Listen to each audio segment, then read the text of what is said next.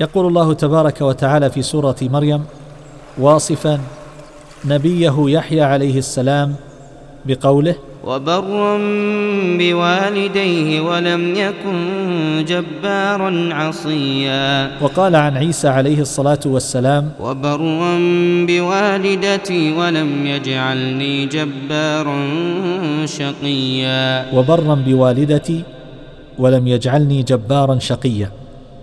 فيؤخذ من الربط بين عدم الجبروت والبر بالوالدين معنى وهو أن البارين هم أكثر الناس تواضعا وأبعدهم عن الكبر وقلب الطرف في الناس تجد مصداق ذلك فهنيئا للبارين. فأسأل الله تبارك وتعالى أن يرزقنا وإياكم البر والصلة والرحمة والإحسان. والله تعالى أعلم. وصلى الله وسلم على نبينا محمد وعلى آله وصحبه أجمعين.